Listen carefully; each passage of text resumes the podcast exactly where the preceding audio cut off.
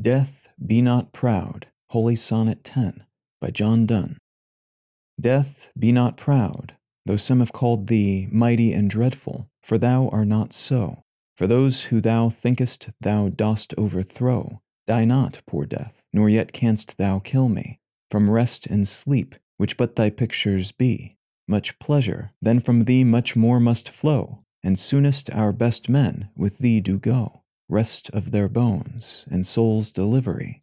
Thou art slave to fate, chance, kings, and desperate men, and dost with poison, war, and sickness dwell, and poppy or charms can make us sleep as well, and better than thy stroke. Why swellest thou then? One short sleep past, we wake eternally, and death shall be no more.